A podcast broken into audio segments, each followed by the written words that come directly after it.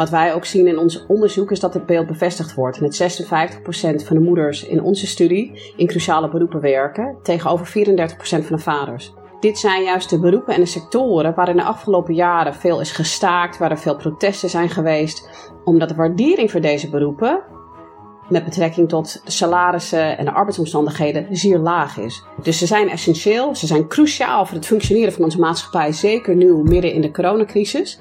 En toch vertaalt het zich niet in hogere salarissen, betere arbeidsomstandigheden. Um, en dat is iets waar we denk ik in de komende jaren heel goed uh, vraagtekens bij moeten zetten. Van wat, hoe waarderen we deze cruciale beroepen?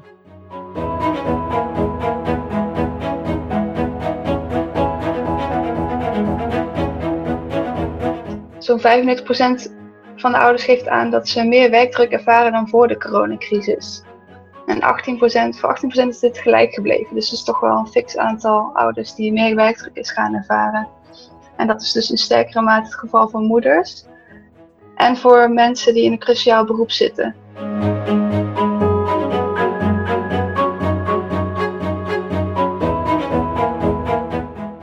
Het zijn ook vooral weer de moeders die nu inleveren op vrije tijd. En dus inderdaad proberen naast die schooltaken zoveel mogelijk, uh, uh, of naast de werktaken zoveel mogelijk nou ja, thuis onderwijs te geven en zorg te geven voor de kinderen.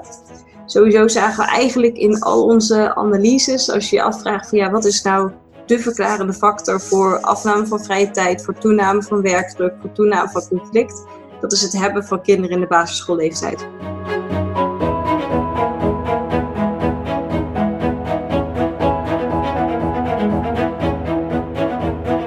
Dag allemaal, welkom bij de Stuk Rood Vlees podcast. Mijn naam is Armin Akverdian, ik ben politicoloog aan de UvA. Volg ons via Twitter, @stukroodvlees. U kunt mij volgen via @hakverdian of neem een kijkje op www.stukroodvlees.nl. U kunt zich abonneren op deze podcast in uw favoriete podcast-app en laat dan ook meteen een rating of een review achter.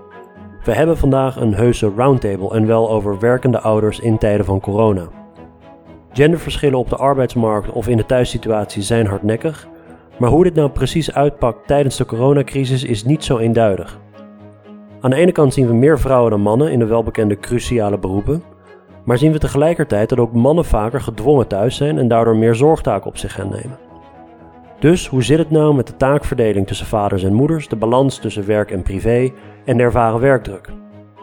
Ik praat hier verder over met drie gasten Mara Jerkes, universitair hoofddocent Algemene Sociale Wetenschappen aan de Universiteit Utrecht.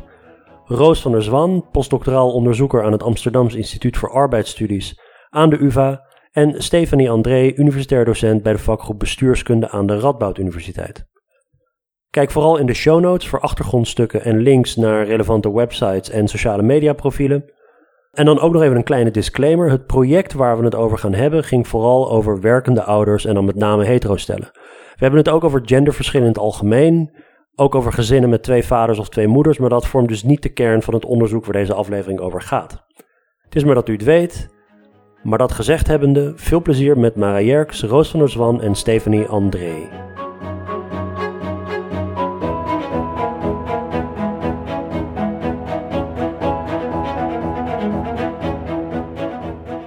Goed, we hebben een uh, soort van een primeur vandaag. Ik heb nog nooit een roundtable opgenomen voor de podcast, maar eens moet de eerste keer zijn. Welkom Mara. Hi. Welkom Roos. Hallo. En welkom Stephanie. Stephanie, maar dankjewel. Stephanie. Laten we beginnen met uh, de, de, achtergronden van dit project waar jullie aan hebben gewerkt de afgelopen tijd. Um, Mara, misschien kun jij dat uitleggen. Wat is precies de, de, de gedachte? Waarom dit project op dit moment? Nou ja, het begon eigenlijk met een vraag van, uh, van Roos en een ander onderzoeker, Janne Bessemoeska van de UvA. Um, en ik denk dat wij allemaal bezig waren. Stephanie uh, vroeg mij op een gegeven moment ook hetzelfde. We hadden allemaal gezien uh, vanuit onze onderzoekservaring dat er een grote kans was dat de ongelijkheid tussen mannen en vrouwen tijdens de lockdown-maatregelen van corona toe zouden nemen. Er waren al best wel veel opiniestukken in de kranten geweest. Vooral door de sluiting van scholen en opvang.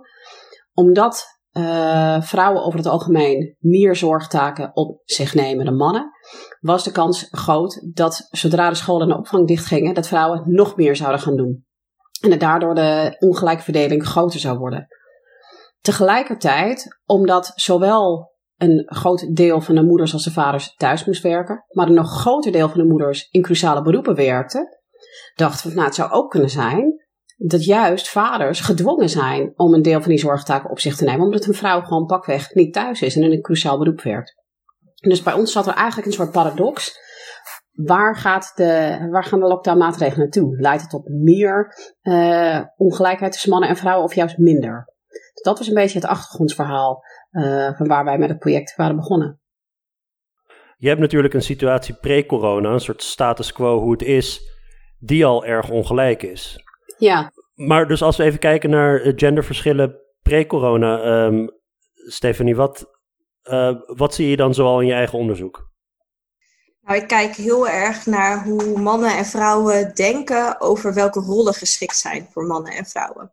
Dus ik uh, vraag dan bijvoorbeeld aan mensen inderdaad van, vind jij dat een vrouw met jonge kinderen zou mogen werken? Uh, of inderdaad, vind jij dat mannen net zo goed zouden kunnen zorgen voor uh, kleine kinderen als vrouwen?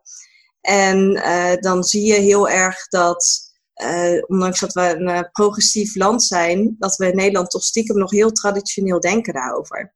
Dus vrouwen zijn vooral goed om voor de kinderen te zorgen en voor het huishouden. En die mogen erbij werken. Terwijl mannen die moeten werken. Voor mannen is de eerste rol om te werken. En dat zorgen, nou ja, dat is fijn als ze dat erbij doen. Terwijl je bij vrouwen heel erg ziet dat die nou ja, mogen werken, soms ook wel moeten werken, maar ze moeten ook die zorg voor de kinderen en het huishouden op zich nemen. En uh, mannen zijn daar traditioneler in dan vrouwen over het algemeen. Is dat een van de redenen waarom je dan ook bijvoorbeeld dat, dat vele deeltijdwerken uh, voor vrouwen hebt? Ja, zeker. Je hebt in Nederland gewoon het anderhalf verdienersmodel. De man werkt fulltime en de vrouw werkt parttime. En dat is omdat je die taken anders niet kan combineren. Zeg maar om en fulltime te werken en uh, uh, fulltime moeder te zijn. Dat is gewoon te veel. In die zin vind ik zelf het boek van Arlie Hoogschild hier altijd heel erg mooi. Die gebruik ik ook in mijn colleges, Second Shift. En die zegt inderdaad van ja, mannen die werken first shift. Die gaan naar het werk, die komen thuis en die gaan lekker in een luie stoel zitten. Het is wel een boek uit de jaren zeventig. Dus het is enigszins gedateerd, ondanks dat het regelmatig geüpdate wordt. Terwijl vrouwen die werken hun first shift op het werk en die komen thuis en die doen dan een second shift. Die gaan daarna alle taken rondom uh, huishouden en kinderen verzorgen. Dus die, die doen veel meer. En, en dat is de, ja, de richting waar we in zitten. En dat is ook waarom je dat anderhalf verdienersmodel hebt. Want het is heel, uh, heel zwaar. En het wordt eigenlijk ook verwacht van vrouwen. Hè? Dat, uh, als je dat vraagt, eh, onderzoek van SCP laat dat ook zien. Als je mensen vraagt hoeveel dagen vind je dat een vrouw met jonge kinderen zou mogen werken, dan is het antwoord eigenlijk altijd drie. Maar, een vrouw mag drie dagen werken. En als je meer dan drie dagen werkt, ja, dan ben je eigenlijk niet zo'n goede moeder. Ik denk, dat het, ik denk dat het ook heel complex is. En het, dat is natuurlijk, dat deeltijdmodel, daar staat Nederland heel erg onbekend. Maar ik ben zelf Amerikaanse van oorsprong, dus geboren en getogen in de VS. Um, en ik heb altijd met bijzondere fascinatie naar het Nederlands deeltijdmodel gekeken. En veel onderzoek gedaan naar deeltijdarbeid, niet alleen in Nederland, maar ook bijvoorbeeld in Australië, Duitsland en Groot-Brittannië. Daar zie je ook uh, hardnekkige ideeën over de rollen van mannen en vrouwen en over Zeker als we het over ouders hebben, dat moeders meer thuis horen te zijn. Maar er zijn natuurlijk ook belangrijke verschillen. Ja, hoogopgeleide ouders hebben eerder de neiging om te denken dat het beter is om uh, de zorg voor kinderen gelijker te verdelen en dat vrouwen ook veel meer aan betaalde arbeid uh, deelnemen. Um, in Engeland zie je hele belangrijke verschillen op basis van etniciteit. Dat mensen met een migratieachtergrond eerder voltijds werken en het heel normaal vinden dat kinderen meer naar de crash gaan of, of dat soort dingen. Uh, maar in een aantal landen, waaronder bijvoorbeeld Australië en Zwitserland en Nederland, zie je juist heel sterk, wat Stephanie inderdaad zegt, dat vrouwen worden verwacht niet meer eigenlijk dan drie dagen te werken. En wat je ook ziet, is dat de perceptie van ouders over de kinderopvang en wat goed is voor kinderen ook heel erg sterk gekoppeld is aan de rolverwachtingen van mannen en vrouwen. Dus ouders hebben ook de neiging om te denken dat een kind die meer dan twee of drie dagen naar de opvang gaat, dat het slecht is. En dat komt omdat uh, de kinderopvang in Nederland heel sterk als arbeidsmarktinstrument is ontwikkeld en niet als een pedagogisch instrument voor de ontwikkeling van kinderen. En is daar uh, enige empirisch bewijs voor dat voor de ontwikkeling van kinderen het beter is om langer dan um, een aantal dagen bij uh, ofwel thuis ofwel op de crash te zitten? Er begint nu net wat, uh, wat beter empirisch bewijs hierover te komen. In de afgelopen jaren was dat heel erg in ontwikkeling, omdat je juist om dat goed te kunnen meten, moet je dat door de tijd heen doen. En die longitudinale studies, die waren er lange tijd niet. Um, ik weet dat er wat studies zijn vanuit de VS, die proberen wat cognitieve verschillen te meten tussen kinderen en wat gedragsverschillen. En daar zie je dat kinderen die op uh, de opvang hebben gezeten en voor meerdere dagen in principe geen grote gedragsverschillen tonen. Um, en juist misschien cognitief vooruit kunnen gaan. Voor een kleine groep kinderen zie je dat er wel um, een negatief effect zou kunnen zijn op het gedrag. Maar ik denk dat die studies heel erg in de ontwikkeling en in de kinderschoenen nog staan. Want eh, eigenlijk is het net iets van de afgelopen 15, 20 jaar dat kinderen wat meer naar de uh, crash zijn gegaan. Zeker in Nederland is dat pas uh, in de afgelopen 10, 15 jaar gaan toenemen. En daar moet eigenlijk nog veel meer onderzoek naar worden gedaan. En volgens mij gebeurt dat ook wel vanuit verschillende pedagogische invalshoeken. Roos, jij wil ook wat uh, zeggen? Nee, wat ik met name wil toevoegen inderdaad, niet alleen de norm is om drie dagen te werken, maar ook dat het dat je als slechte moeder wordt gezien. Vooral moeders volgens mij. Als je je kind voelt naar de opvang stuurt. Ik denk, één ding wat ook belangrijk is, is dat het beleid, als je vanuit het beleidsperspectief kijkt, dat tot voorheen, ja, tot voor kort was het eigenlijk ook alles was ingericht in Nederland op het anderhalf verdienersmodel. Dus de arbeidsmarkt is erop uh, op ingericht. uh, werkgevers vonden het prima dat uh, uiteindelijk dat vrouwen zoveel in deeltijd zijn gaan werken. Je ziet dat de ergernis onder werkgevers iets meer toeneemt in een aantal sectoren. Omdat het nu zo hardnekkig is. En mensen willen heel graag van het deeltijdmodel af. Zowel vanuit de overheid als vanuit werkgevers. En ook van een aantal vakbondsorganisaties. Maar dat het gewoon heel lastig is om dat te veranderen. Um, en nu het beleid zich langzaamaan verandert, dat er bijvoorbeeld uh, aanvullend geboorteverlof komt voor vaders en partners, uh, dat vaders ook een grotere rol op zich kunnen nemen, dan hoop je misschien dat uh, in de komende jaren langzaamaan de normen ook gaan veranderen, waardoor we ook verschuivingen gaan zien. Maar zover zijn we nog niet. Hmm, en als je kijkt naar bijvoorbeeld enquêteonderzoek onder vrouwen zelf, wat zeggen vrouwen zelf over dit deeltijdwerken? Ja, dat, is, uh, dat ligt een beetje ingewikkeld. Uh, vrouwen vinden het heel prettig om in deeltijd te werken in Nederland. Je kunt een onderscheid maken tussen vrouwen die in deeltijd werken omdat ze dat zelf willen, ja. of dat het involuntary is. En Nederland heeft een van de laagste percentages involuntary part-time work. Als je naar statistieken van de OESO e kijkt, van de Organisatie voor Economische Samenwerking en Ontwikkeling. Um, en wat je ziet is dat vrouwen aangeven dat zij het heel fijn vinden dat ze in deeltijdwerk uh, kunnen werken. Maar wat een van de dingen die ik in mijn onderzoek uh, naar kijk, is het verschil tussen wat je op het korte termijn beslist en mogelijk de lange termijn effecten. Want heel veel vrouwen zeggen van ja, ik vind het heel fijn dat ik in deeltijd kan werken terwijl mijn kinderen jong zijn. Want dan kan ik ze helpen om naar school te gaan of ophalen van de crash of met ze thuis zijn één of twee dagen in de week. Maar als je zegt, maar wat gebeurt er op het moment dat je relatie misschien uitgaat? En niemand wil eraan denken. Ik wil ook niet denken dat mijn relatie op een gegeven moment uit zou gaan. Maar als dat gebeurt en je hebt een kleine deeltijdbaan, of een baan van drie dagen in de week met onvoldoende salaris, dan heb je ineens echt een groot probleem. Want dan, dan heb je een risico van armoede, niet alleen voor jezelf, maar ook voor je kinderen. En dat is iets wat op lange termijn een grote rol kan spelen. Um, maar ik denk niet dat wij, eh, daar ben ik geen psycholoog voor, maar ik denk dat wij het uh, zelf best wel moeilijk vinden om in dat soort lange termijnsperspectief te denken. Ja, en ik denk ook als we mannen meer de kans geven om te zorgen. En dat is een van de dingen die ik uh, nu probeer te onderzoeken, maar daarvoor heb ik de data nog niet uh, compleet. Dat ze dan ook dat meer gaan doen. En ik denk ook als je aan vrouwen vraagt, ja, zou je je kind een dag extra naar de crash willen sturen om een dag extra te werken? Dan zeggen ze nee. Maar als je zegt van zou jij een dag extra willen werken als je een partner een dag minder gaat werken, dan zeggen ze veel vaker ja. Dus als je bijvoorbeeld, uh, nu hebben we vaak het 5 plus 3 model. Je werkt samen acht dagen, de man vijf, de vrouw drie. Als dat een 4 plus 4 model wordt, waarin je allebei vier dagen uh, werkt, dan neemt die economische onafhankelijkheid neemt af. En uh, mannen gaan dan meer zorgen.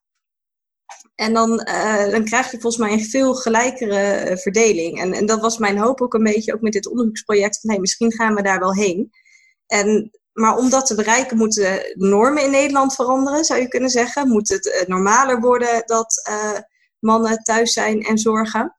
Uh, en dat, dat kan je volgens mij bereiken met beleid. Dus ik ben nu bijvoorbeeld zelf aan het kijken bij een aantal gemeentes. Van wat doet die uitbreiding van het vaderschapsverlof nou? Gaan organis binnen organisaties mannen en vrouwen dan anders denken over de rol die mannen kunnen aannemen? En ik vind het echt ontzettend goed dat er bedrijven zijn die al zeggen van nou ja, als man eh, mag je gewoon drie maanden thuis zijn bij de geboorte van je kind. Om inderdaad nou ja, die, die hechting goed te krijgen die eerste maanden zijn daarin heel belangrijk. En ik, ik zou ook echt zeggen, maak daar landelijk beleid van. En, nou ja, daaraan zie je dat wij op veel punten nou, een christelijke democratie zijn. Hè? Er zijn andere, andere normen en waarden in de politiek. En het zijn niet alleen normen die over vrouwen, over vrouwen gaan natuurlijk, maar ook over mannen. Dat zij toch worden verwacht uh, 40 uur te werken. Dat ze zeggen, ja, ik kan niet parttime werken, maar mijn werkgever wil dat niet. En dat zit ook nog heel erg in onze samenleving. Uh. Ja, ja het, is, het is echt een belangrijke wisselwerking tussen de attitudes die individuen zelf hebben, die ook deels gedreven worden door het beleid die er is, maar ook binnen de organisatiecontext waarin mensen werken. En wat je ook ziet vanuit het buitenland, bijvoorbeeld in de Scandinavische landen zoals in Finland of in Zweden, waar men uh, via beleid quota heeft opgesteld, zodat vaders, een bepaald, vaders en partners een bepaald deel van het verlof uh, zelfstandig moeten opnemen. Of de familie raakt het kwijt, het gezin raakt het kwijt. Dan zie je dat, uh, dat vaders er veel meer gebruik van zijn gaan maken. En op een gegeven moment wordt het een soort van verworven recht. Nee, dat mag je niet afpakken. Ik heb het recht om een aantal weken of maanden thuis te zijn met mijn kind rondom de geboorte. En dat is natuurlijk fantastisch als mensen die ruimte krijgen. Misschien één laatste vraag voordat we overgaan op wat nou corona precies heeft gedaan met dit alles. Is het toeval dat ik hier met drie vrouwen zit? Of is het bestuderen van deze onderwerpen ook uh, heel gendered? Ook mannen in onze onderzoeksgroep. Ja. maar ze zijn wel in de minderheid. ja. ja, want ik, uh, ik, ik vraag me dat, dat af of uh, het feit dat, dat stel dat het zo is hoor, ik weet niet of dat zo is, maar als, als vrouwen zich eerder aangetrokken voelen tot het bestuderen van deze dingen, dan is dat misschien al een uiting van hoe hardnekkig die, die normen zijn over dit soort uh, ongelijkheden. Ik denk wel dat dat meespeelt, zeg maar. Je, je neemt, zeg maar, wij zijn alle drie sociologen. Je neemt uh, altijd mee wat je in je eigen sociale omgeving ja. uh, ziet spelen. Waarvan je denkt van, oh, dat, dat zouden we wijder, breder moeten gaan onderzoeken. Maar zelf ben ik bijvoorbeeld als onderzoeksonderwerp zit ik heel erg op de parttime werkende mannen. Dus ik doe juist onderzoek naar mannen. Uh, maar daarvan werd door mijn hoogleraar ook gezegd: ja, maar dat is juist wel goed dat jij dat als vrouw doet. Want als ik dat als man zou gaan onderzoeken, dat, ja, dat wordt dan misschien toch weer niet helemaal geaccepteerd in de journals als straks. Ja, wat, wat ik ook wel grappig vind, ik, als je de afgelopen twintig jaar dat ik naar congressen over dit onderwerp ga, kan ik, en dit is alleen maar anekdotisch, maar dan valt het je wel op dat mannen over het algemeen in de minderheid zijn. Maar zeker niet op het volledige terrein van wat wij dan work family research zouden noemen. Daar zie je dat er ook heel veel mannen zijn die ook onderzoek doen naar dit soort onderwerpen. Maar wat natuurlijk ook waarschijnlijk een rol speelt, is het feit dat vrouwen in de meerderheid zijn in de sociale wetenschappen. Uh, zeker uh, op de bachelor- en masterniveau. Maar en, uh, ik denk dat in ieder geval bij de Universiteit Utrecht is de faculteit sociale wetenschappen een van de weinige faculteiten waar ik geloof dat de, de normen over het aantal vrouwelijke hoogleraren wordt gehaald. Dus vrouwen die zijn wel alomtegenwoordig binnen de sociale wetenschappen. En er wordt dan vervolgens veel onderzoek naar gedaan. Oké, corona. laten we beginnen dan met, met de werksituatie. En heel vroeg in de coronatijd werd het begrip gemunt van de cruciale beroepen. En in je inleiding, Mara, zei jij dat daar al verschillen zijn tussen mannen en vrouwen in die cruciale beroepen. Kun je dat ja. um, verder uitleggen? Dus welke beroepen hebben we het over en waarom zie je meer vrouwen in die cruciale beroepen? Nou ja, de, verschillen in de cruciale beroepen zitten vooral in bijvoorbeeld in de eh, sectoren zoals de zorg of in het onderwijs. Maar ook dingen zoals transport, uh, distributieketens voor supermarkten en dat soort dingen. En wat je zag in Nederland, maar ook uh, wereldwijd, is dat er een onderscheid werd gemaakt door overheden van welke beroepen hebben we nou echt, welke zijn nou echt essentieel en wie zou gewoon thuis kunnen werken. Nou ja, wij als universiteitsmedewerkers hoewel wij uh, onderwijs uh, online uh, misschien een, een poor second choice vinden, kunnen wij best wel onze werkzaamheden thuis uitvoeren. Maar een verpleegkundige kan moeilijk thuis medicijnen toedienen aan iemand. We hebben gewoon mensen in de zorg en het onderwijs en het opvangcentra hard nodig. Maar daar werken vrouwen al jarenlang meer dan mannen. Dus dat zijn sectoren en beroepen waar vrouwen echt in de meerderheid zijn. En wat wij ook zien in ons onderzoek is dat het beeld bevestigd wordt. Dat 56% van de moeders in onze studie in cruciale beroepen werken, tegenover 34% van de vaders. En het betekent grotendeels dat uh, moeders veelal ook in cruciale contactberoepen werken. Dus dat zij ook andere risico's lopen dan de vaders uh, die minder in die cruciale beroepen werken. Maar wat wij ook interessant vinden, wat wij verder niet onderzocht hebben in dit onderzoek, maar wat interessant is en wat steeds nu ook in het debat gaat spelen. Dit zijn juist de beroepen en de sectoren waar in de afgelopen jaren veel is gestaakt, waar er veel protesten zijn geweest, omdat de waardering voor deze beroepen met betrekking tot de salarissen en de arbeidsomstandigheden zeer laag is. Dus ze zijn essentieel, ze zijn cruciaal voor het functioneren van onze maatschappij, zeker nu midden in de coronacrisis. En toch vertaalt het zich niet in hogere salarissen, betere arbeidsomstandigheden. Um, en dat is iets waar we, denk ik, in de komende jaren heel goed uh, vraagtekens bij moeten zetten. Van wat, hoe waarderen we deze cruciale beroepen? Het feit dat dus die cruciale beroepen met name terecht zijn gekomen bij vrouwen. En dat um, de zorgtaken voornamelijk ook bij vrouwen terechtkomen. Je had wel de situatie waarbij bijvoorbeeld de mensen in cruciale beroepen gebruik mochten maken van scholen en kinderopvang. Maar misschien is dit geen oplossing voor het probleem, omdat de kinderopvang en de, uh, uh, en de scholen ook voornamelijk door, door vrouwen worden bezet. Of, of, of maakt dat wel uit? Want het um, maakt wel uit, maar het, het is natuurlijk om gebruik te maken in Nederland van die regeling, moesten beide ouders in principe, of in theorie, allebei in een cruciaal beroep werken. Dus niet alleen de vrouw, maar ook de vader. Um, wij kennen uit onze eigen omgeving, hebben we het er vaker over gehad met elkaar. Um, gevallen waar uh, scholen of crèches en opvang hebben gezegd van nou ja, als je echt, als, uh, als je echt in nood bent, uh, kom dan maar. Maar over het algemeen was het, was het echt bedoeld voor alleen gezinnen waar beide ouders in een cruciaal beroep werken. We zagen dus ook dat gewoon heel veel kinderen toch thuis houden. Of dat nou een eigen keuze was of niet, dat weten we niet precies volgens mij. Maar ik geloof dat 88% van de ouders zei dat ze hun kind toch thuis hielden. Zelfs in de cruciale beroepen. Ja, want iedereen was toch bang. Zeker in het begin wisten niet wat de risico's voor, voor kinderen waren. Zowel qua, qua verspreiding als qua ziek worden. Mensen zijn toch bang en houden hun kinderen liever thuis. En uh, met zo min mogelijk sociale uh, contacten. En ook uh, mensen die bijvoorbeeld een ziek familielid hebben. Uh, dat ze zeiden van oké, we moeten zorgen dat ook die kinderen die sociale contacten zoveel uh, mogelijk beperken. En dus niet naar, uh, naar school toe of naar de opvang. En scholen die ik ken hier in mijn omgeving hadden ook allemaal heel erg het beleid van oké, alleen brengen als het echt niet anders kan. En je moet ook aantonen dat je dan allebei in een cruciaal beroep werkt. En als universitair docent was dat het, randje, maar uiteindelijk zeiden ze nou oké, ja, als je echt onderwijs moet geven voor, die taken die je hebt, zit je in een cruciaal beroep en mag je je kinderen brengen. Dus ik heb mijn kinderen ook twee, drie keer naar noodopvang gebracht. Dat ik dacht, van, ja, ik krijg mijn onderwijs niet rond. En mijn man is basisschoolleraar, dus die zit ook in een cruciaal beroep. Die moest ook gewoon onderwijs geven. Even los van de cruciale beroepen, want er gebeurt natuurlijk ook eh, in, in zijn algemeenheid is er een enorme verschuiving geweest naar thuiswerken. En ik las in jullie rapport dat dat eigenlijk gepaard ging met ook een verschuiving van de werktijden van ouders. En dat met name moeders in de avonden gingen werken, omdat ze overdag niet aan werk toekwamen. Ja, de reden daarvoor, dat, uh, dat weten we nog niet helemaal. Dus dat is denk ik wel een aanname van ons. Maar wij zagen wel dat ouders allemaal uh, op andere momenten gingen werken. 40% van de ouders werkt nu meer in de avonduren dan voorheen, dan voor de coronacrisis.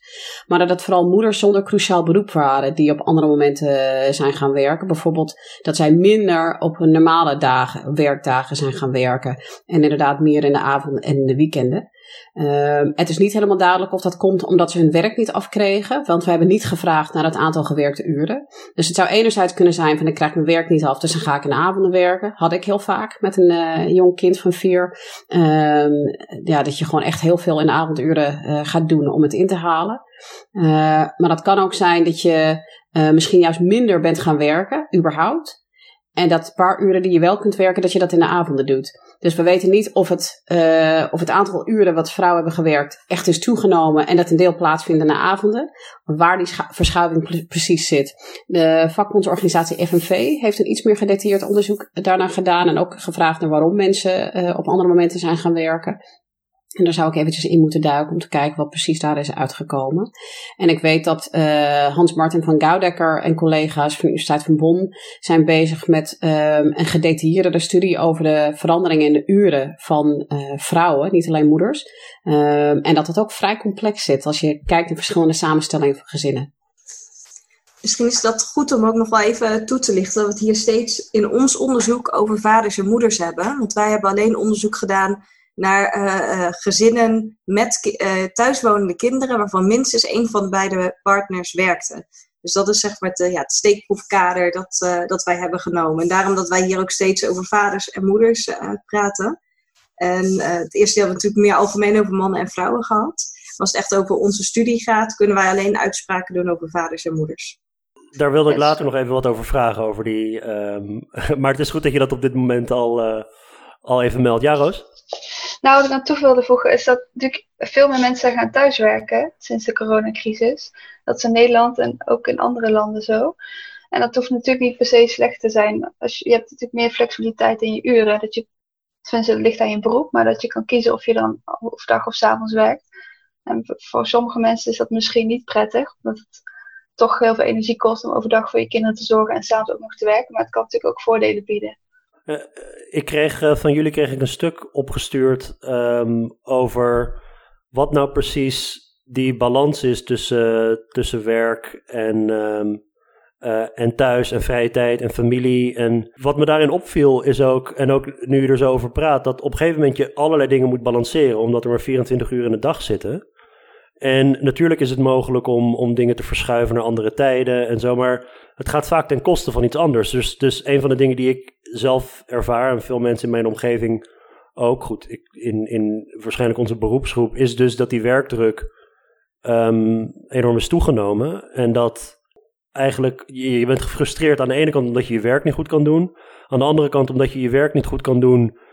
En zeker met, met, met thuisonderwijs uh, ben je ook niet 100% bij je kinderen. Dus je bent als een soort van halve ouder bij je kinderen. Je bent als een soort van halve docent bij je, uh, bij je studenten.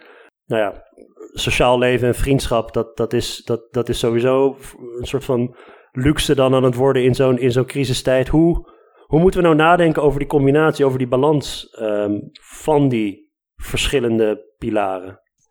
Ik denk wat daarin heel belangrijk is, in ieder geval, is dat die balans voor iedereen anders is. Want we hebben het altijd over werk-privé-balans, alsof er een soort van, van equilibrium is, een, een perfect equilibrium dat je zou kunnen bereiken. Maar dat is voor, voor heel veel mensen anders. Uh, voor mij is het prima om wat minder vrije tijd te hebben en meer tijd bij mijn kinderen te zijn. Uh, terwijl anderen inderdaad zoiets hebben van nee, ik heb echt voldoende vrije tijd nodig. Dus wat die perfecte balans is, dat, dat is voor iedereen anders. Dus dat is subjectief. Maar het is inderdaad iets wat je continu aan het balanceren bent. En als je meer werkt, dan moet dat uit een ander vaatje komen. Dan komen die uren gaan of van je slapen af, of van de tijd met je vrienden, of van de tijd met je kinderen. Dus dat zijn een soort van verschillende domeinen in je leven waar je die uren over uh, verdeelt. Maar vraag je dan uh, de tevredenheid van mensen met, met deze verschillende dingen? Of hoe ga je dat dan ja, want, want jullie doen dit met enquêteonderzoek, maar, maar is het dan dat je ze vraagt objectief wat ben je aan het doen en dat je een soort van standaard hebt? Of dat je zegt van hoe tevreden ben je met dit aspect van je leven? Ja, en gewoon hoe tevreden ben je met uh, uh, je combinatie van je werk met je privéleven. En er zijn ook schaaltjes die bijvoorbeeld inderdaad vragen naar van uh, door de taken op het werk kom ik niet toe aan vrije tijd. Of mijn privéleven interfereert met mijn werktaken. En dan van helemaal oneens tot helemaal eens. Dus dat kun je op verschillende manieren vragen. Maar ik ben altijd wel fan van inderdaad gewoon de tevredenheidsvraag. En dat vraag gewoon maar aan mensen. Van hoe tevreden ben jij met hoe jij je werk en privé eh, kunt combineren? Er zijn natuurlijk uh, veel debatten over dit onderwerp uh, in de literatuur. Hè? Want wij hebben gemeten, uh, we hebben een vraag gesteld over de tevredenheid met de werk-privébalans. Dat we zeggen in hoeverre mensen tevreden zijn met, of hoe moeilijk mensen het vinden om hun werkleven met zorgtaak te combineren. Op basis van een vraag van de European Foundation for the Improvement of Living and Working Conditions, oftewel Eurofound. Maar er zijn natuurlijk ook in de literatuur debatten over de term überhaupt balans. Versus is het in conflict, work-family conflict, of is het family-to-work conflict? Is het een kwestie van enrichment, dat één deel van je leven eigenlijk een, uh, tot een verbetering leidt van een ander deel? En veel mensen hebben het ook over spillover. En dat, dat idee wat Stefanie net zei, van die vaatjes die communiceren uiteraard met elkaar. En het kan zijn dat je uh, het juist wel prettig vindt dat je gezinsleven een beetje overloopt in je werkleven, of juist niet. Ehm, maar je kunt ook kijken naar de absolute tijd die mensen besteden aan bijvoorbeeld aan werk, aan zorgtaak, aan vrije tijd. En wat je ziet uit tijdsbestedingsonderzoek, um, als je bijvoorbeeld kijkt naar vrije tijd, dat je tijd primair kunt besteden aan een bepaalde activiteit, maar soms lopen die taken door elkaar. En dan heb je uh, sprake van, oh, ik moet even nadenken over die term, um, contaminated free time. En wat je ziet is dat vrouwen bijvoorbeeld veel vaker, als zij vrije tijd hebben, tegelijkertijd bezig zijn met iets anders. Bijvoorbeeld iets met een kind. Uh, ik kook bijvoorbeeld heel veel. Uh, dat vind ik leuk. En uh, soms niet, als het druk en door de week moet gebeuren. Maar heel vaak kook ik met mijn zoontje. En je zou dat als vrije tijd kunnen beschouwen, maar het kan ook zijn dat ik bezig ben met de zorg van een kind. En wanneer die dingen een beetje te veel gaan samenlopen, zie je dat mensen vaak ervaren dat dat of geen vrije tijd is, of niet echt werktijd. En ik kan me voorstellen dat voor veel mensen die in de coronatijd thuis werken, op het moment dat al die activiteiten over elkaar heen gaan lopen, die grenzen heel erg vervaagd zijn, dat mensen daardoor meer werkdruk ervaren of een verslechterde werk-privébalans. En dat zien wij ook terug in het onderzoek. En dat wisten we ook in onderzoek voorheen, voor corona, dat op het moment de grenzen te veel vervaagd raken tussen werk, privé, vrije tijd, dat mensen toch wel of conflict kunnen ervaren, of een gevoel van druk, of een verslechtering van hoe zij werk- en privézaken balanceren. Ja, en als je dan specifiek kijkt naar werkdruk en wat daarop van invloed is, dan is het vooral de, hoeveel werk je doet, maar ook in, in welke tijd, welk tijdsbestek je dat moet doen. En die dingen samen kunnen de werkdruk verhogen. En ook, het heeft ook te maken met hoeveel autonomie je hebt. En ik kan me voorstellen dat juist die, die dingen in de coronatijd natuurlijk heel erg veranderd zijn. En dan hoeft het niet eens vanuit je werkgever te zijn, maar juist ook door wat je thuis allemaal moet doen. Uh, dat dat gewoon de werkdruk vergroot. En dat is ook wat we dus wel zien in, uh, in de eerste uitkomsten. Zo'n 95% van de ouders geeft aan dat ze meer werkdruk ervaren dan voor de coronacrisis. En 18%, voor 18% is dit gelijk gebleven. Dus het is toch wel een fix aantal ouders die meer werkdruk is gaan ervaren. En dat is dus in sterkere mate het geval van moeders. En voor mensen die in een cruciaal beroep zitten. Mensen in gezinnen waar één of beide ouders in een cruciaal beroep zitten, daar is de werkdruk echt toegenomen. En vooral als, als beide ouders in een uh, cruciaal beroep zitten, volgens mij is 48% zegt dan dat de werkdruk is toegenomen. Dus dat is best wel uh, veel. En van de ouders zonder cruciaal beroep is het 26%. Dus er zitten wel echt duidelijke verschillen. En dat kan natuurlijk te maken hebben met ja, het soort beroep wat je hebt. Maar stel je bent als je werkt in het onderwijs, dan moet je en je kind thuis onderwijs geven. En je moet ook nog een klas digitaal begeleiden of lesgeven. Dus dat soort dingen, dat zorgt natuurlijk wel voor een uh, meer druk op vooral die gezinnen die al in de cruciale beroepen zitten. Ja, en ook nog hun kinderen thuis houden. Um, en ook het soort werk wat ze doen. Want ik kan me voorstellen dat als je in de zorg werkt nu, dat dat. Nou ja, ik ken een aantal mensen die in de zorg werken. En dat is echt een verschrikkelijke hoeveelheid druk wat op hun schouders terecht is gekomen. Maar ook mensen die bijvoorbeeld in het openbaar vervoer werken of in de supermarkten. Iedereen die gisteravond het journaal heeft gezien, zag dat mensen ongeduldiger worden uh, met, het betrek, hè, met betrekking tot de regels en afstand houden tot elkaar die mensen die hebben de hele tijd in al die omstandigheden moeten werken van uh, probeer de afstand te houden en wetend dat dat eigenlijk niet zo goed gaat. Uh, dat kan enorme werkdruk opleveren, denk ik. Ja, wat je net zei over die vervaging van, van rollen en um, vind ik wel interessant, want dit, deze coronaperiode heeft eigenlijk alles vervaagd. Je hebt ook geen, uh, eigenlijk ook fysiek, dus dat je, dat je daar, als je werkt waar je, waar je woont, ja, ik zit al drie maanden hier in deze woonkamer van ons. Ik vind het een geweldige woonkamer en ik vind het een geweldig huis. Maar het is iedere keer dat ik dan naar boven loop om, uh, om hier te gaan werken, denk ik, ja, het was toch wel fijn dat ik, dat ik naar werk ging en dat daar werk was. En dat, dat merk, ik merk wel dat het voor mijn gemoedsrust wel echt iets deed. Maar naar werk. En hetzelfde geldt voor natuurlijk uh, tijd doorbrengen met je kinderen, wat een zegen is. Maar als je de hele dag met ze uh, rekensommen moet maken, dan vervaagt dat ook weer ineens. Weet je wel? Dus, de, en, en dat dat allemaal leidt tot een soort druk op ieder van die taken, dat, dat uh, herken ik wel heel erg. Nou ja, wat je ook ziet bijvoorbeeld van Arbo-experts, is dat ze zeggen van probeer op het moment dat je zoveel thuis moet werken, echt een soort eigen werkplek te creëren, waar het ook is. En een soort afgebakend, dat je daar je werkspullen hebt, dat je daar een ritueel van maakt. En dat je een bepaalde structuur ook aanhoudt. Dat je in je werkkleding uh, aantrekt. Dat je uh, op tijd stopt om even een koffiepauze te nemen of te lunchen en dat soort dingen. Want het is heel erg verleidelijk om alles door elkaar te laten lopen. Je gaat even een wasje aanzetten en voordat je het weet sta je ook de vaatwasser uit te ruimen of, uh, of de hond uit te laten of de vuilnis naar buiten te brengen. Uh, en als die dingen te veel door elkaar kan gaan lopen, de een ervaart dat als prettig, omdat die flexibiliteit er is, zoals Roos net zei. Maar de ander ervaart het juist als uh, een soort vervreemding van ben ik nou aan het werk, ben ik met eh, zorgtaken bezig, of huishoudelijke taken. En het kan zijn dat je daardoor uh, ongemerkt ook veel meer uren gaat maken. En dat je werkdag veel langer gaat worden. En daar had de FNV-onderzoek bijvoorbeeld uh, gezien dat mensen echt ervaren dat hun werkdag aan zich veel langer wordt. En dat ze daardoor ook juist veel meer druk ervaren. Nog één aanvulling daarop. Ook uh, Eurofound heeft ook een eerste survey gedaan in Europa over uh, deze onderwerpen. En ook zij zien dat in, in heel Europa mensen meer zijn gaan werken. Dus vaker overuren rapporteren. Maar ook, uh, wat hiermee samenhangt natuurlijk, dat mensen met kinderen ook veel moeite hebben met concentreren op hun werk. Dus als ze dan aan het werk zijn, dat ze toch moeite vinden, moeilijk vinden om dan hun aandacht erbij te houden. En dat kan volgens mij ook juist doordat alles weer door elkaar loopt. Dus dat is niet alleen in Nederland, maar ook in andere Europese landen zien ze het terug.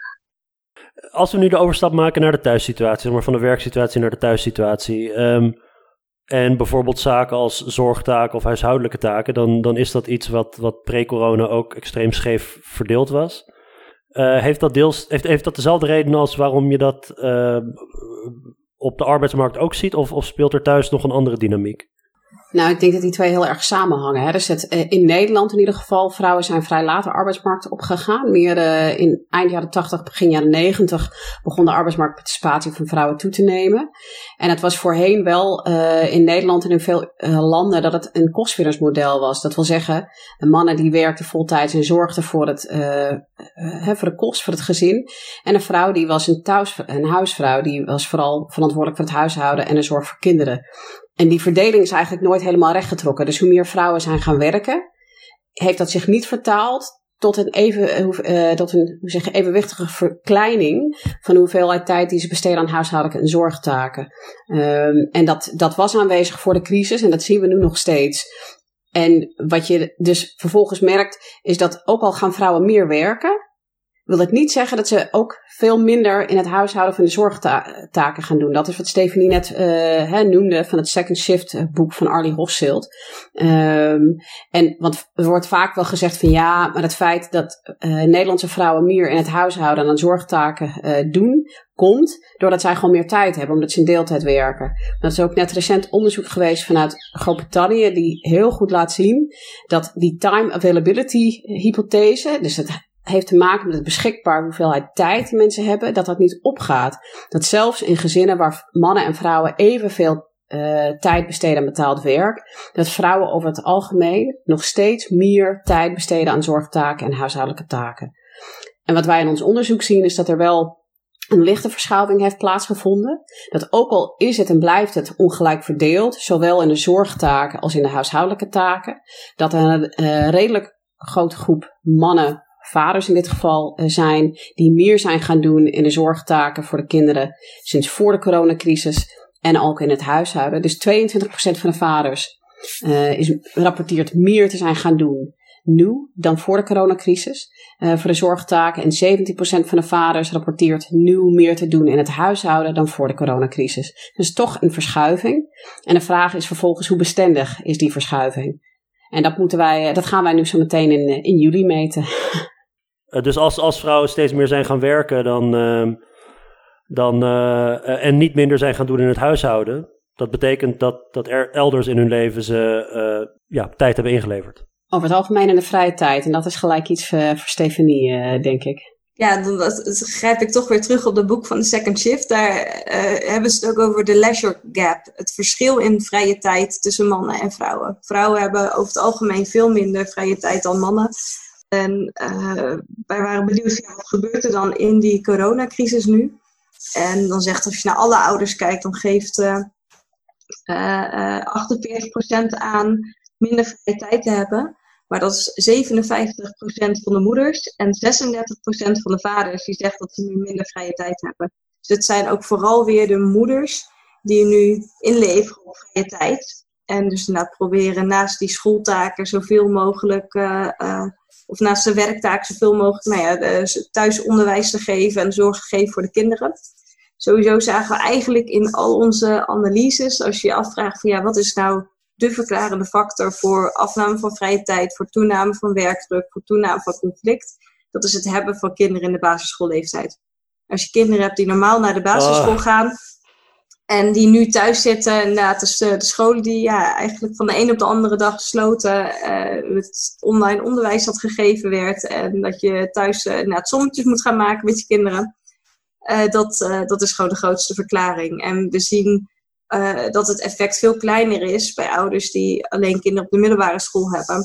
En ook als je kinderen op beide hebt, dan zien we gewoon best wel een sterk effect. Inderdaad, afname vrije tijd, toename werkdruk, toename in conflict. En het feit dat het kinderen op de basisschoolleeftijd zijn in plaats van echt kleine kinderen, um, heeft te maken dat kinderen op basisschoolleeftijd, uh, ja, dat je dus, dus ook docent moet zijn. Denk ik, wat je bij, bij echt kleine kinderen misschien niet hoeft te zijn. En we weten de leeftijd van de kinderen niet. We weten wel of ze op de basisschool of op de middelbare school zitten. En dan heb je een groep kinderen waarvan we niet weten, zijn ze, wonen ze nog thuis, maar zijn ze al klaar met de middelbare school? Of uh, wonen ze thuis omdat ze nog niet aan de basisschool zijn begonnen. Dus daar kunnen we geen uh, directe uitspraken over doen nu. En dat gaan we nu in de tweede meting gaan we dat uh, uitvragen om te kijken hoe dat zit. Ja. Ehm, maar een van de dingen waarvan ik zelf gelijk denk, ook uit mijn eigen ervaring. Kleine kinderen slapen vaak nog overdag. En dan heb je anderhalf tot drie uur, als je een beetje geluk hebt, waarin je ongestoord kan werken. Maar ja, want dit is ook weer zoiets. Een, uh, een vriend van mij uh, vroeg me heel recent van... Uh, heeft net, net een tweede kind gehad, een paar maanden oud. Ik heb zelf twee kinderen van acht en vier. Van wanneer wordt het allemaal nou een beetje makkelijker? En ik zei toen, ja, als ze naar de basisschool gaan. Maar nee, wel ervan nee. uitgaande dat, dat de basisscholen open zijn. Niet het thuisonderwijs niet, maar als de basisscholen gewoon open zijn... Um, ik denk dat de ja. problemen voor ouders heel erg verschilt. Want ik wil zeker niet zeggen dat ouders met uh, kinderen die in, op de middelbare school zitten geen problemen ervaren. Die zijn er ook wel. Sterker nog, ik heb van heel veel ouders in die periode gehoord dat ze heel veel moeite hadden met kinderen die hun vrienden heel erg misten en, um, en andere ja. emoties gaan spelen voor die kinderen op die leeftijd. Um, maar wat, wat je wel merkt uit onderzoek voor corona, is dat ouders die kinderen hebben die naar de basisschool gaan, dat de druk op ouders toeneemt. Want je moet veel meer gaan regelen. Um, en het kan zijn dat je bijvoorbeeld één kind hebt op de crash en een ander op de basisschool. En dan moet je met halen en brengen naar allerlei verschillende plekken. Um, dus de, de problemen die er zijn voor het combineren van arbeid en zorg veranderen door de loop van de tijd met de leeftijd van de kinderen mee. Um, en wat interessant is, is dat uh, de boek Second Shift, waar Stephanie naar verwees, er is inmiddels ook altijd sprake van een third shift, om het nog erger te maken. Dat we zien dat vrouwen die mental load, dat we zeggen de organisatietaken, uh, de heel met name onzichtbare taken die er zijn, ervoor zorgen dat uh, de boterhammen zijn gesmeerd en in de, in de schooltas, dat de gymtas meegaat, uh, dat afspraken worden gemaakt bij een tandarts, uh, dat soort dingen. Die vallen grotendeels op de schouders van vrouwen. En dat is deels omdat vrouwen dat misschien naar zich toe trekken, maar ook deels omdat het gewoon van die onzichtbare taken zijn die eerder door vrouwen worden gedaan. Waardoor vrouwen niet alleen de druk voelen van het combineren van betaald werk met de fysieke zorg voor kinderen of fysieke huishoudelijke taken, maar ook nog eens die mentale organisatietaken die erbij zijn. Ik wil nog even iets vragen over um, dus die vrije tijdsbesteding. Dus jullie hebben gekeken naar wat mensen rapporteren over hoeveel vrije tijd ze uh, hebben en uh, meer of minder of wat. Maar, maar hoe zit het over het soort vrije tijd dat mensen doen? Want volgens mij is de, de vrije tijdsbesteding voor veel mensen is, is tamelijk beperkt in termen van de keuzevrijheid die je hebt om dingen te doen. Uh, zie, je nog verschillen in, in soort vrije werk dat, of, of vrije tijdsbesteding? Of zit iedereen tegenwoordig gewoon voor Netflix en heeft die Zoomborrels? En dat, dat, dat nou, misschien tegenwoordig nu iets, iets minder, maar zeker in maart en april. Ja, daar hebben we niet naar gevraagd. We hebben alleen gevraagd inderdaad van, uh, nou, normaal gesproken vrije tijd, vergelijkend met voor de coronacrisis, is, heb je nu meer vrije tijd of minder vrije tijd? Ik denk ja, ook weer anekdotisch bewijs. Uh, als ik kijk naar veel mensen zonder kinderen, die hebben eigenlijk nu veel vrije tijd. Die, die weten niet precies hoe ze hun weekend moeten invullen, omdat die normaal inderdaad vol allerlei sociale contacten zitten. Terwijl uh, voor veel mensen met kinderen die vrije tijd eigenlijk afneemt, omdat je de kinderen veel meer thuis hebt. Bijvoorbeeld ook de reistijd die je normaal hebt. Ik moet zeggen, ik mis mijn 3,5 uur reistijd niet, maar ik hoor ook heel veel mensen die zeggen van, oh, oh heerlijk. Uh, uh, ik mis dat reizen wel, want dan heb ik altijd die overgang van werk naar thuis. en zeker als het een kort stukje is of je kunt op de fiets. dat blijkt ook uit mobiliteitsonderzoek dat nu wordt gedaan, dat mensen dat echt missen. En dat is ook een stukje vrije tijd eigenlijk. Dat je in de, nou, in de trein zit en, en even Netflix kan kijken, op je mail bij kan werken, of een spelletje kan doen. Ja. Wat we wel weten uit ieder onderzoek, uh, tijdsbestedingsonderzoek, is dat mannen en vrouwen wel heel erg verschillen in het type vrije tijd uh, en wat ze doen. En met name die vraag dus, doe je alleen iets voor jezelf in je vrije tijd? Dat je gaat sporten of, uh, of een boek gaat lezen of gaat Netflixen? Of doe je iets in je vrije tijd tegelijk terwijl je met iets anders bezig bent? Um, en wij zien dat dat bij vrouwen veel meer gebeurt, dat zij dingen combineren en dat ze daardoor veel minder uncontaminated free time hebben dan mannen. En dat die leisure gap heel groot is. Um, en onderzoek van Anne Routers en Janine Baxter en ikzelf uh, van een aantal jaar geleden, crossnationaal, liet zien dat daardoor vrouwen veel minder kwaliteit van vrije tijd ervaren. Dus dat er niet alleen een sprake is van de tijd, uh, de hoeveelheid vrije tijd, of uh, heb je alleen vrije tijd of is dat contaminated? Maar ook de ervaring van de vrije tijd, uh, dat daar een groot verschil is. En dat vrouwen veel meer het idee hebben dat ze minder goed kunnen herstellen van hun werk, uh, omdat zij en minder vrije tijd hebben en het is vaker contaminated. En um, dat verschil tussen de kinderen, eh, basisschoolleeftijd en, en jonge kinderen. Dus jonge kinderen slapen misschien smiddags, waardoor je, waardoor je wat meer kunt doen hypothetisch geval, als ik nou mijn kinderen voor basisschoolleeftijd dan gewoon die drie uur voor de tv zet en als ze hun schooltaken af hebben, hoor, niet dat ik dat heb gedaan en uh, misschien, maar uh, en, en ik doe, dat heeft niemand gedaan, nee, we zijn allemaal heel braaf, hebben we gewoon alle sommen en de extra sommen en de worteltaart hebben we ook nog gebakken. En, en daarna buiten spelen. Buiten ja. spelen, ja, ja, ja. Maar um, is dat niet een soort van moderne uh, oplossing om toch je kinderen iets te kunnen laten doen terwijl jij dan met je werk bezig gaat? Of krijg je dan ook weer een genderdynamiek dat mensen zich, dat mannen zich misschien minder schuldig voelen om dat te doen dan vrouwen, omdat het niet kwalitatief ouderschap is? Dat hebben we ook niet onderzocht, maar lijkt me op zich wel interessant om mee te nemen eigenlijk. Het klinkt heel plausibel, uh, Volgens mij spreek je ook uit ervaring. Nou ja, mensen die ik ken. In mijn directe omgeving. ja, precies. Asking for a friend. Ja. Nee, weet je, wij hebben daar uh, inderdaad geen onderzoek naar gedaan. Maar ik weet wel uit onderzoek van collega's aan de Universiteit Utrecht bij psychologie. dat schuldgevoelens wel anders zijn. Uh, dat moeders ja. veel meer schuld ervaren dan vaders. Ik kan me voorstellen dat je als moeder probeert uh, het kwalitatief goed te doen. Uh, maar ik kan me ook voorstellen dat juist in tijden van corona, dat je jezelf misschien een soort van vrijbrief geeft. Van, moet je eens luisteren, we ja. zitten allemaal in hetzelfde schuitje en, en dit, pff, je doet maar wat je kunt. Hè? De, uh, hoe is het Nederlands gezegd? Riemen met de, nee, riemen, riemen, riemen, met de riemen die je hebt. Ja, bij mij gaat er ook iets heel anders spelen. Dat ik, dat ik mezelf ga goed praten van, ja, het is toch ook wel, het is wel een educatieve film die die kijkt. Dit zijn educatieve apps op de iPads. Dit is, ja, uh, ja dat, dat En ik heb ik. zelf ook vroeger spelletjes gespeeld. Daar ben ik er nou slechter van geworden. Ja. Dat soort dingen gaan dan spelen. Ja. Ik, ik vind het zelf altijd heel mooi, uh, de, zeg maar de hashtag, uh, die andere moeders doen ook maar wat. Precies. En dat is wel, de, ja. de peer pressure is in die zin lager nu. Want tenminste, als je niet alles wat je doet op, op social media gooit. Ja, die, veel andere mensen weten helemaal niet wat er speelt in je huishouden. Dus dan kun je zelf kiezen welke educatieve films uh, je ze kan ja. laten kijken. Ja. Nou ja, wat, wat interessant is, ik heb met een aantal collega's van de Universiteit Utrecht uh, een tijdje terug uh, hebben we gekeken naar de relatie tussen intensive parenting. Hè, dus dat idee dat je alle tijd en energie in je kinderen steekt. Je moet alles perfect doen, want het moet allemaal kwalitatief zo goed zijn. En de, de gezondheidsuitkomsten voor kinderen, zowel fysiek als psychisch.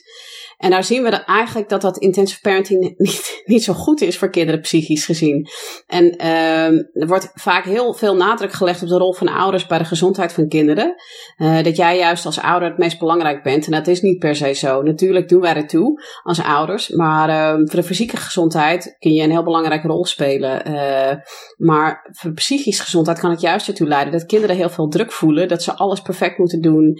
En daardoor ervaren kinderen meer angst. en dat dingen door de tijd heen. Dat zie je uit verschillende onderzoeken. En er is ook een heel mooi onderzoek uh, uit de Verenigde Staten, waarin ze heel erg keken naar verschillen in sociaal-economische status. Dat er heel veel ouders zijn die gewoon de tijd niet hebben uh, om zoveel tijd met hun kinderen door te brengen, omdat ze zoveel moeten werken. En dat zijn vaak ook mensen die bijvoorbeeld in cruciale beroepen werken, misschien.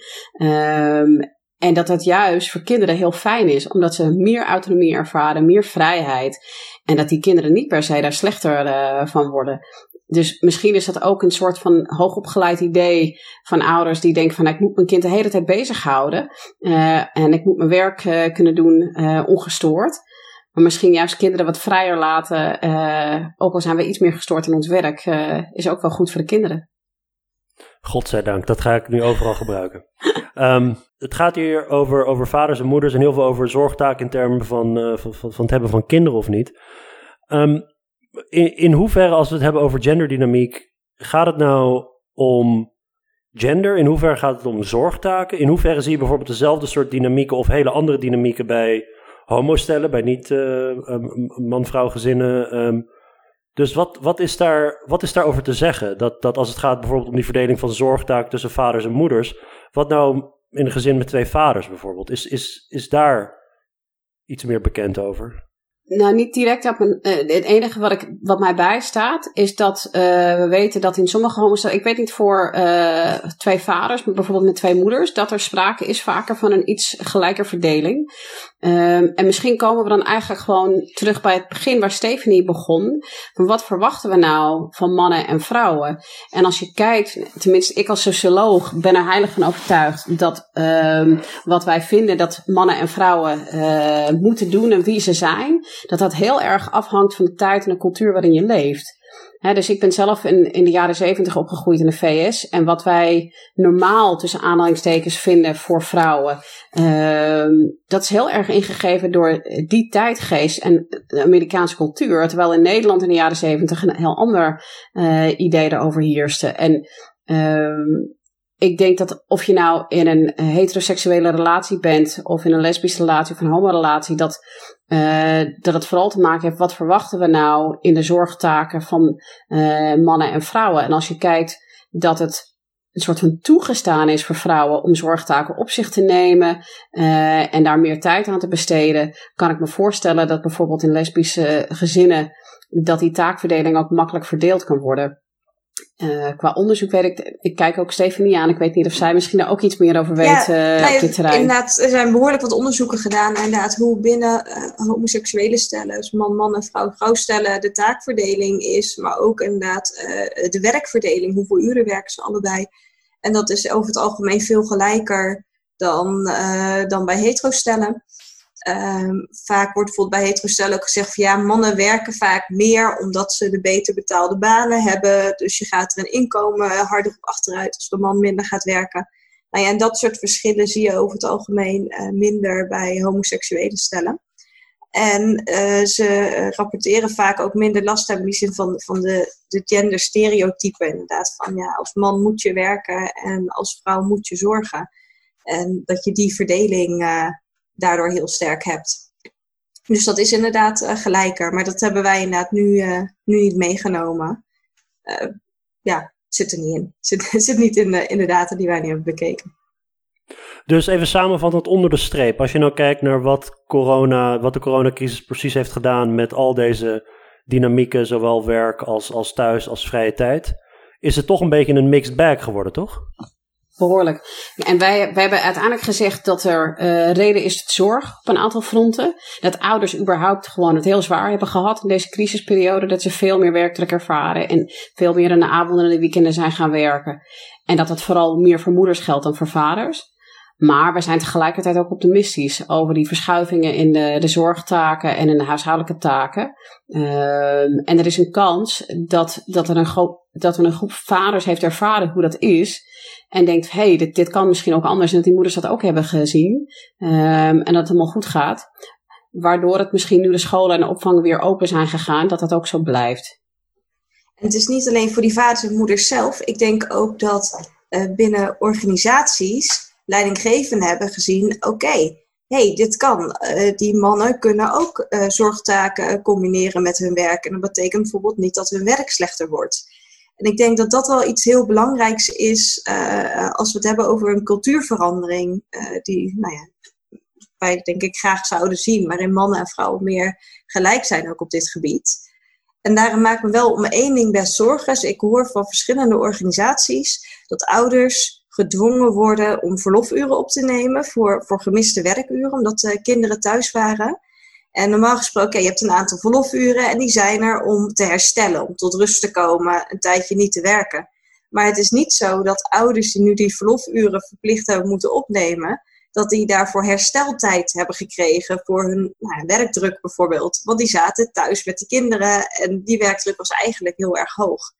Dus dat is iets waar ik me wel zorgen om maak voor de toekomst. En, en waarvan ik ook echt zou zeggen uh, tegen organisaties en bedrijven en de overheid, want het gebeurt ook uh, bij sommige overheidsinstellingen, uh, doe dat vooral niet. Laat niet ouders verplicht vakantiedagen opnemen, waardoor ze straks bijvoorbeeld in de zomervakantie die drie weken vrij kunnen nemen.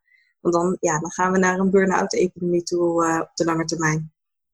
Ik wil nog eventjes één ding aanvullen op wat Stefanie nou net zei, ook over de, de verdeling. En die organisatiecontext is wel degelijk erg belangrijk. Um, want het moet vooral uh, zijn dat mensen de ruimte krijgen om de keuzes te maken die bij hun passen. want het is, ik zou niet willen zeggen dat het per se naar een gelijke verdeling moet sommige mensen vinden het juist prettig dat iemand meer werkt of meer zorgt of meer in, in het huishouden doet. Um, en wij als wetenschappers, volgens mij is het niet onze taak om te zeggen dat je het per se 50-50 moet verdelen. Maar, wat, maar je moet die optie hebben. Precies. En het is geen vrije keuze op dit moment. Ingegeven door de normen die er zijn in Nederland en de organisatiecontext die er is, waaruit blijkt dat wij het normaler vinden dat mannen meer werken en vrouwen minder. Dat mannen niet de tijd krijgen en de ruimte om te zorgen. Uh, als dat verandert, zodat mensen meer ruimte hebben om keuzes te maken, dan is dat goed. En wat ik daar nog aan toe wil voegen, is dat uh, los van vaders en moeders, maar we zien dat iedereen, bijna iedereen is meer gaan thuiswerken. En dat kan ook dus positieve effecten hebben. Bijvoorbeeld minder stress, uh, natuurlijk minder reistijd, dus meer slaap, meer beweging. En dat zijn allerlei positieve effecten die op dit moment misschien niet zo duidelijk zijn, maar op de lange termijn, want veel werkgevers hebben gezien dat het kan. Dat mensen kunnen thuiswerken en ze, ze produceren, nog, ze werken nog steeds vrij effectief. En dat kan natuurlijk ook voordelen opleveren, omdat het, als er meer mogelijkheid is om thuis te werken, voor zowel moeders als vaders, dat het meer flexibiliteit oplevert. En dat kan dus op de lange termijn wel positieve effecten hebben. Ja, ik, met, met heel veel dingen uh, die jullie zeggen, denk ik ook, ja, dit, is ook, ook herhaald door, door jullie allemaal hoor, maar dat, het, dat er zo ontzettend veel heterogeniteit is in sectoren, uh, tussen personen, of het nou vrijwillig is of onvrijwillig of wat, maar ook bijvoorbeeld bij dat thuiswerken. Um, de beweging, als jouw dagelijkse beweging was half uur fietsen naar werk of niet, dan is thuiswerken weer, weer tamelijk um, funest. Of um, dat, dat je bijvoorbeeld thuis best je onderzoek zou kunnen doen. Maar voor onderwijs moet je naar de universiteit. Maar de universiteit en het ministerie ziet, nou ja, onderwijs kan eigenlijk ook online. Dat het een soort van excuus wordt om in allerlei dingen te snijden, zodat mensen maar thuis blijven. Um, het, kan, het kan echt alle kanten opgaan. Ik denk dat het, dat, dat het heel verleidelijk is om, uh, om een soort, soort, soort one size fits all over alles te gooien. Maar dat, dat is dan precies net wat we volgens mij, waar we voorzichtig mee moeten zijn. Absoluut. En wat je ook ziet is dat thuiswerken in sommige situaties ook gewoon niet mogelijk is. Hè? Wat je zelf aangeeft. Um, en ik denk dat wij heel goed met elkaar allemaal moeten gaan praten over wat kan wel en wat kan niet. Je ziet het ook in de, in de adviezen van de verschillende planbureaus over het thuiswerken en het deeltijd thuiswerken. Um, dit is maar het begin van het gesprek. als dit een blijvende situatie is en daar ziet het naar uit, dan moeten we met z'n allen gaan praten over wat kan wel en niet thuis worden gedaan. Wat is echt essentieel om op de werkvloer te doen. En wat is goed uh, voor medewerkers, psychisch uh, en op allerlei andere fronten. dus ja, het gesprek is nog maar net begonnen, zou ik zeggen. Dus het feit dat, dat thuiswerken ehm, eigenlijk steeds vaker voorkomt en misschien zelfs een norm is geworden in, uh, in coronatijd. Kinderen zijn, waren vaker thuis. Um, heeft dat nog geleid voor andere, laten we zeggen, dynamieken binnen het gezin? Ja, we hebben gevraagd aan de uh, vaders en moeders uh, in ons panel van ja, hoe zit het met de oneenigheid die jullie normaal hebben over uh, nou ja, werk op de werklocatie, thuiswerken, vrije tijd. En dan zie je dat voor de coronacrisis zegt inderdaad van nou, 24% dat ze wel eens conflict hebben over de werklocatie en 30% over thuiswerken en dan wat meer rond de 50% over vrije tijd. En dat als je nu kijkt naar in de coronatijd, dat vooral de, eigenlijk alleen de conflicten over zorg voor de kinderen zijn toegenomen.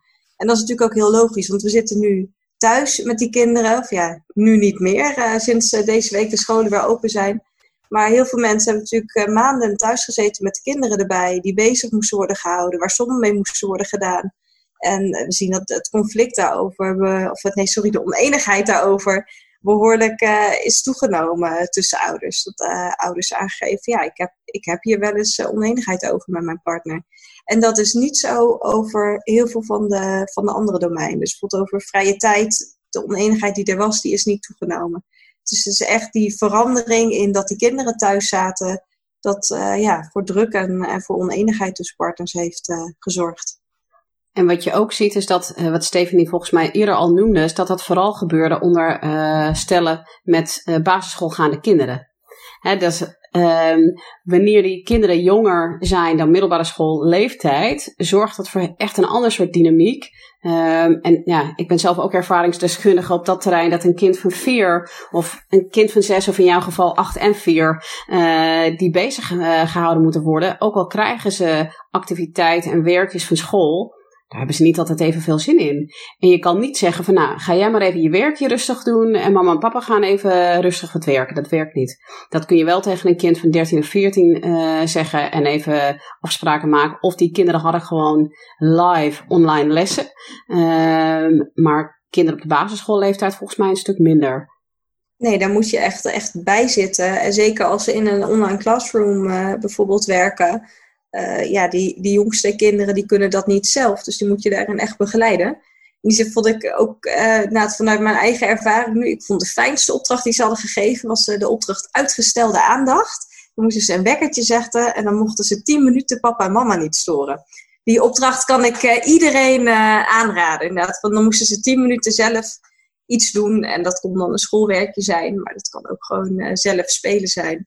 Om Laten we dat landelijk uitzetten als de lockdown weer gebeurt. Ja, want dat vind ik echt een fantastisch idee. Het is goed voor de zelfstandigheid. Ja, maar het feit dat dat 10 minuten is, zegt al wat over, over, de, nou ja, over de bandbreedte waarin we opereren. Nee, ik heb geleerd dat je best wel veel mails kunt beantwoorden in 10 minuten, Armen. Dus wat dat betreft. Ook weer zo. Goed, ik wilde jullie van harte bedanken, alle drie. Jij bedankt. Ja, graag gedaan. En... Het leuk om in de podcast te zijn. Ja. Top. Ik ga uh, de links naar het rapport plaatsen en naar jullie um, social media profielen of naar websites. Als mensen willen nalezen waar we het allemaal over hebben gehad, dan, uh, dan kan dat uiteraard. En um, bedankt voor het luisteren. Tot de volgende keer.